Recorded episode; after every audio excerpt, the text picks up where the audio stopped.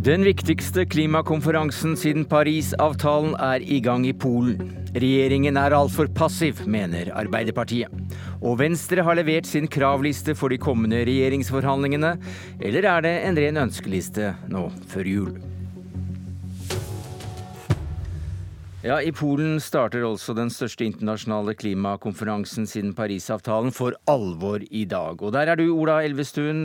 Hvordan vil verden på dette møtet merke at Norge har en klimaminister fra Venstre? Nei, vi må spille en så sentral rolle som vi kan for å få på plass eh, den regelboka som vi trenger.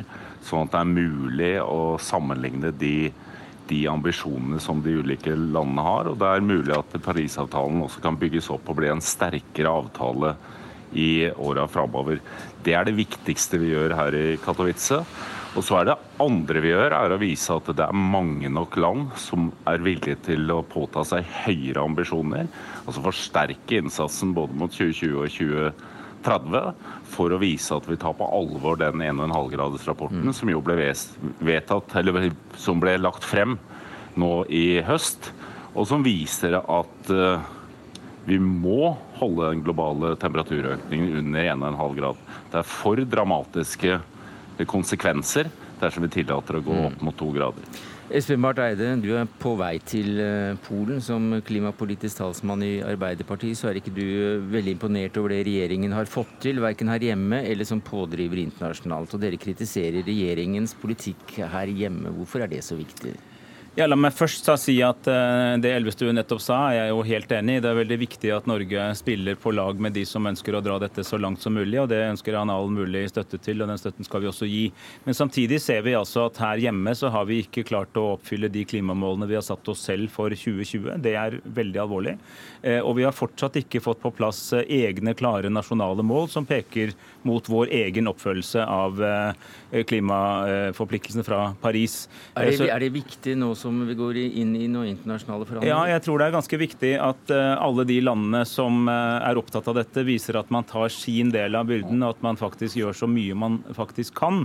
Uh, og Der er det jo en forskjell på oss og regjeringspartiene i forhold til dette med å sette egne nasjonale mål også innenfor det vi kaller ikke-kvotepliktig sektor. altså ikke, Vi skal samarbeide nært med EU, det er riktig og bra, men vi skal også oppfylle målene på egen hånd her hjemme. Så Det er en, en forskjell mellom oss og regjeringen. Men når det er sagt, så er det veldig spennende det som nå skjer i EU. For det er veldig mye som tyder på at EU nå kommer til å gå ut med enda strengere, mer ambisiøse eh, krav til seg selv. Og da mener jeg i hvert fall som et minimum at Norge bør sette de samme standardene som EU ender på. Ja, skal, Gjør vi det, Elvestuen?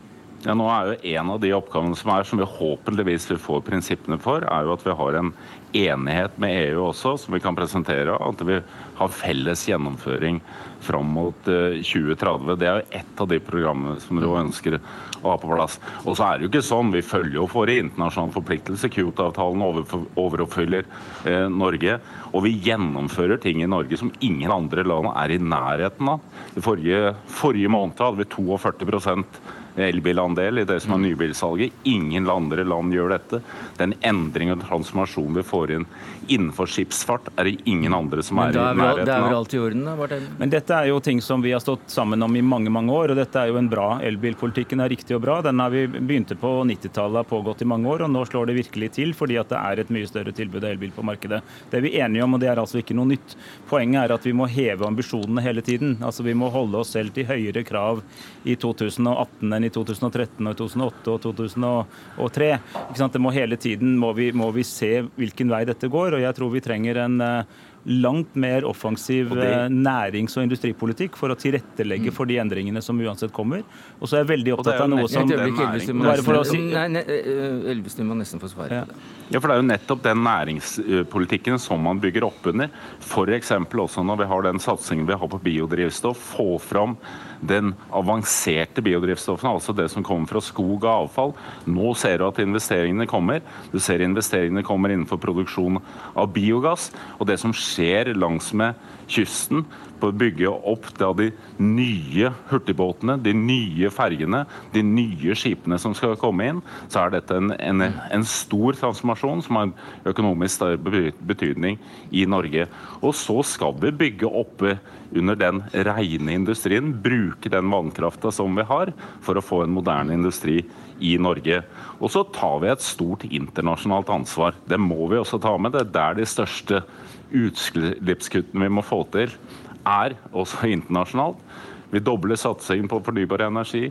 Skogsatsingen Norge har, er avgjørende for å kunne nå ja, 1,5 grad. Altså, eh, biodrivstoff er bra så lenge det ikke er palmeolje. og Derfor må vi ta noen klare grep nå for å få palmeoljen ut av den miksen. For øvrig er det en god utvikling.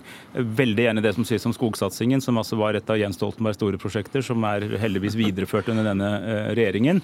Eh, men det jeg tror vi også skal legge litt vekt på i Katowice, det er det fagbevegelsen både i Norge og internasjonalt nå sier om rettferdig omstilling. Det er ekstremt viktig at folk føler at de er med på denne reisen, og at den ikke ikke går i deres disfavør, men at man skaper verdiskapning og arbeidsplasser. Hadde vi hatt 200 år på oss, så kunne markedet ordnet det. Men vi har kanskje 20 år, og derfor trenger dette en veldig aktiv politikk. Så vi må gjøre mer av de grepene som vi vet virker. For, for, for, for, et øyeblikk, Elvestuen. Nå har vi vippet oss inn til uh, aksen mellom Paris og Paris, nemlig Paris 2015 og Parisavtalen, og, og, og hva den har medført, nemlig en, et opptøysystem nå i, i, 2018. For her ser du en, en, en klar forbindelse. Altså, jeg tror Det som har skjedd i Frankrike, det er jo et uttrykk for en generell misnøye i, i mange leirer i Frankrike. Men det begynte som et opprør mot økte bensin- og dieselavgifter. Jeg er for økte bensin- og dieselavgifter, men det er veldig viktig at folk også ser at man får fram alternativer. Det har vi jo gjort bedre i Norge enn kanskje Frankrike har gjort, og at folk føler at de er medeiere av en omstilling som må komme. Vi har ikke noe valg, men må altså legge til rette for at folk kan gjøre andre valg i hverdagen, og at man kan skape verdier, skape arbeidsplasser. Der tror jeg egentlig at Norge ligger godt an til å bli en vinner i omstillingen. Men det krever altså at man involverer arbeidstakere, og at man tenker en veldig aktiv næringspolitikk, ikke bare overlater det til markedet. Elvestuen.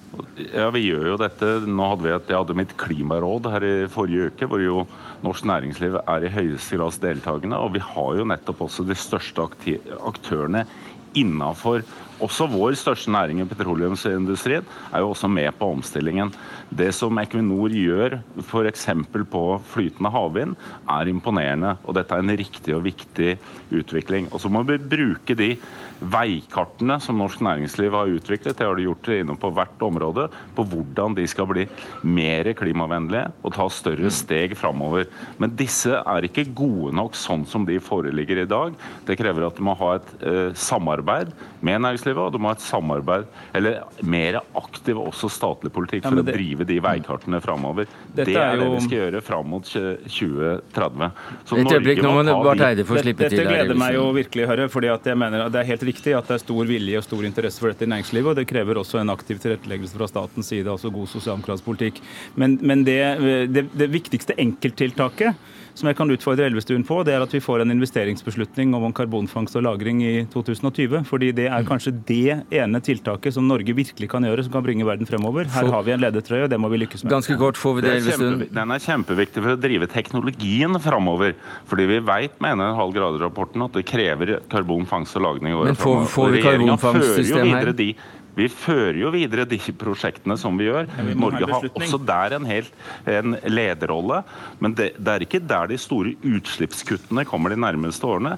Heller ikke i Norge. Så vi må gjøre mye mer enn det. Mm. Det handler om teknologiutvikling, men du må gjøre mer på alle områder.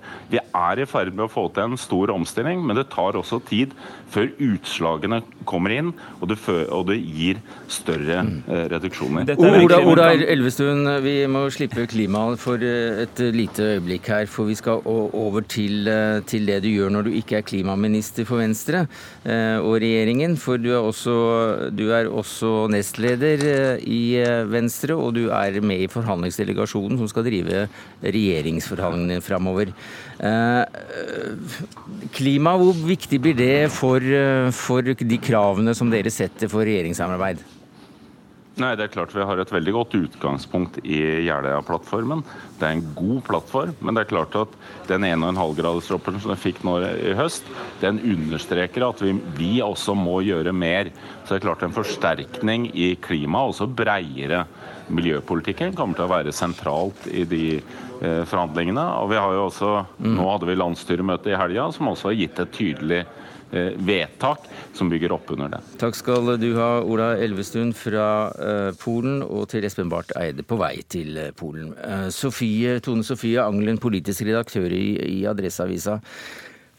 Hvordan går det med Venstre i de kommende forhandlingene med det bakteppet vi har med intern krangel og dårlig oppslutning? Nei, Det er nok ikke Venstre sin tur i forhandlingene, men jeg tror nok at det her bråket kan ha en indremedisinsk effekt. Eh, nå skal ikke jeg si at det er samling i bunn, for jeg tror Venstre sin historie er vel en evig vandring fra den ene bølgedalen til den neste. Men jeg tror for det første at de ser det at Eh, de har ikke råd til å krangle internt, de må dra i samme retning. Og så tror jeg Venstre ser at de må få mer ut av sin eh, regjeringsdeltakelse. Det er mange som etterlyser hvor det er blitt av Venstre i regjering, og deres problem er jo ikke gjennomslag, men evnen deres til å selge de varene de har i butikken. Og skal de greie det, så trenger de både tydeligere symbolsaker og mer synlige politikere. Magnus Takvam, politisk kommentator i NRK. Eh, Venstre kom jo med en kravliste, eller det vi også kan kalle en ønskeliste, nå i går foran eh, regjeringsforhandlingene. Hvilke signaler har du lest ut av dette, denne lista? For det første tror jeg det er viktig for Venstre å markere at det ikke nå er snakk om at det er bare KrF som skal forhandle med tre regjeringspartier, men at det er fire selvstendige partier som skal forhandle om en ny plattform og eventuelt en flertallsregjering. Eh, Venstre er redd for å på en måte bli tatt for gitt i den sammenheng.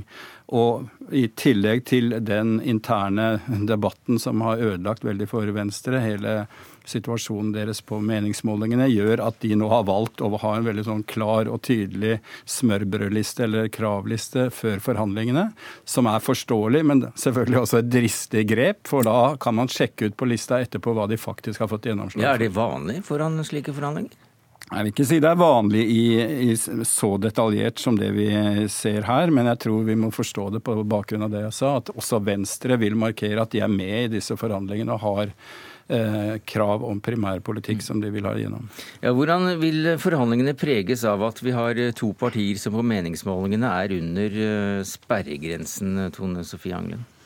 Nei, Jeg tror både Venstre og Frp ser at Eh, det å komme i regjering det er ikke en sånn quick fix som løser alle problemer. og jeg tror begge de partiene er opptatt av å, å, å få mest mulig synlighet. Og så er det jo en utfordring da, at det som er en seier ofte for Venstre og KrF, det er liksom det motsatte for eh, Frp. Så det er liksom, jeg tror alle sammen ser at her har de ganske mye å tape, unntatt Høyre, som er et parti som virker tilfreds med det meste og har veldig stor eh, indre ro for øyeblikket. Men Arbeiderpartiet, nei, Høyre har vel også mye å, å tape her, Takma? Ja, det er nok Erna Solberg og Høyre som er, har skal vi si, mest å tape i den forstand at altså, de er mest opptatt av faktisk å få en firepartiregjering med en eh, plattform på plass. Eh, for de andre partiene som vi er inne på, så, så, så er det mer snakk om å få gjennomslag for eh, profilsaker i, i, en plattform.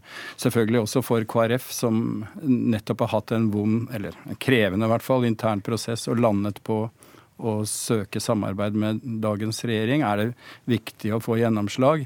Men eh, heller ikke Ropstad liksom kan godta hva som helst og, og, og, må ha noe å vise til om man skal ta det siste skrittet. Hva med Fremskrittspartiet oppi dette, uh, Aglen? Nei, Fremskrittspartiet er jo det partiet som uh, jeg tror er lei av å bli tatt for gitt i, i regjering. Og, og, de sliter jo litt med det både at uh, de ikke får så mye velgere. Det er liksom Veldig mange av velgerne går til Senterpartiet og, og ligger lavt på målingene. Men de har også en ganske stor intern opposisjon i Stortinget som ikke er så fryktelig opptatt av å sitte i regjering, og som absolutt ikke gleder seg til å få KrF inn i varmen og, og se på det å sitte i regjering som viktig i seg sjøl. Så jeg tror nok at det vil være utfordrende for alle de her tre partiene å få nok gjennomslag. Og så handler det også om å få eh, politikere og statsråder som er i stand til å profilere de områdene som er viktige for dem. Ja, altså Når det gjelder Frp er jeg enig, og vi har hatt nettopp nominasjonsmøter i Oslo og Bergen der den eh, skal vi si, eh, populistiske delen av Frp har vunnet. Den delen av Frp er på offensiven. En liten replikk helt til slutt. Et vedtak i, i landsstyret til Venstre viser at når det gjelder det omstridte abortspørsmålet, så sier Venstre omtrent det samme som Erna Solberg faktisk har sagt, altså at kvinnens rettigheter skal ikke røres, selv om man endrer noen formuleringer. Så det er et interessant signal.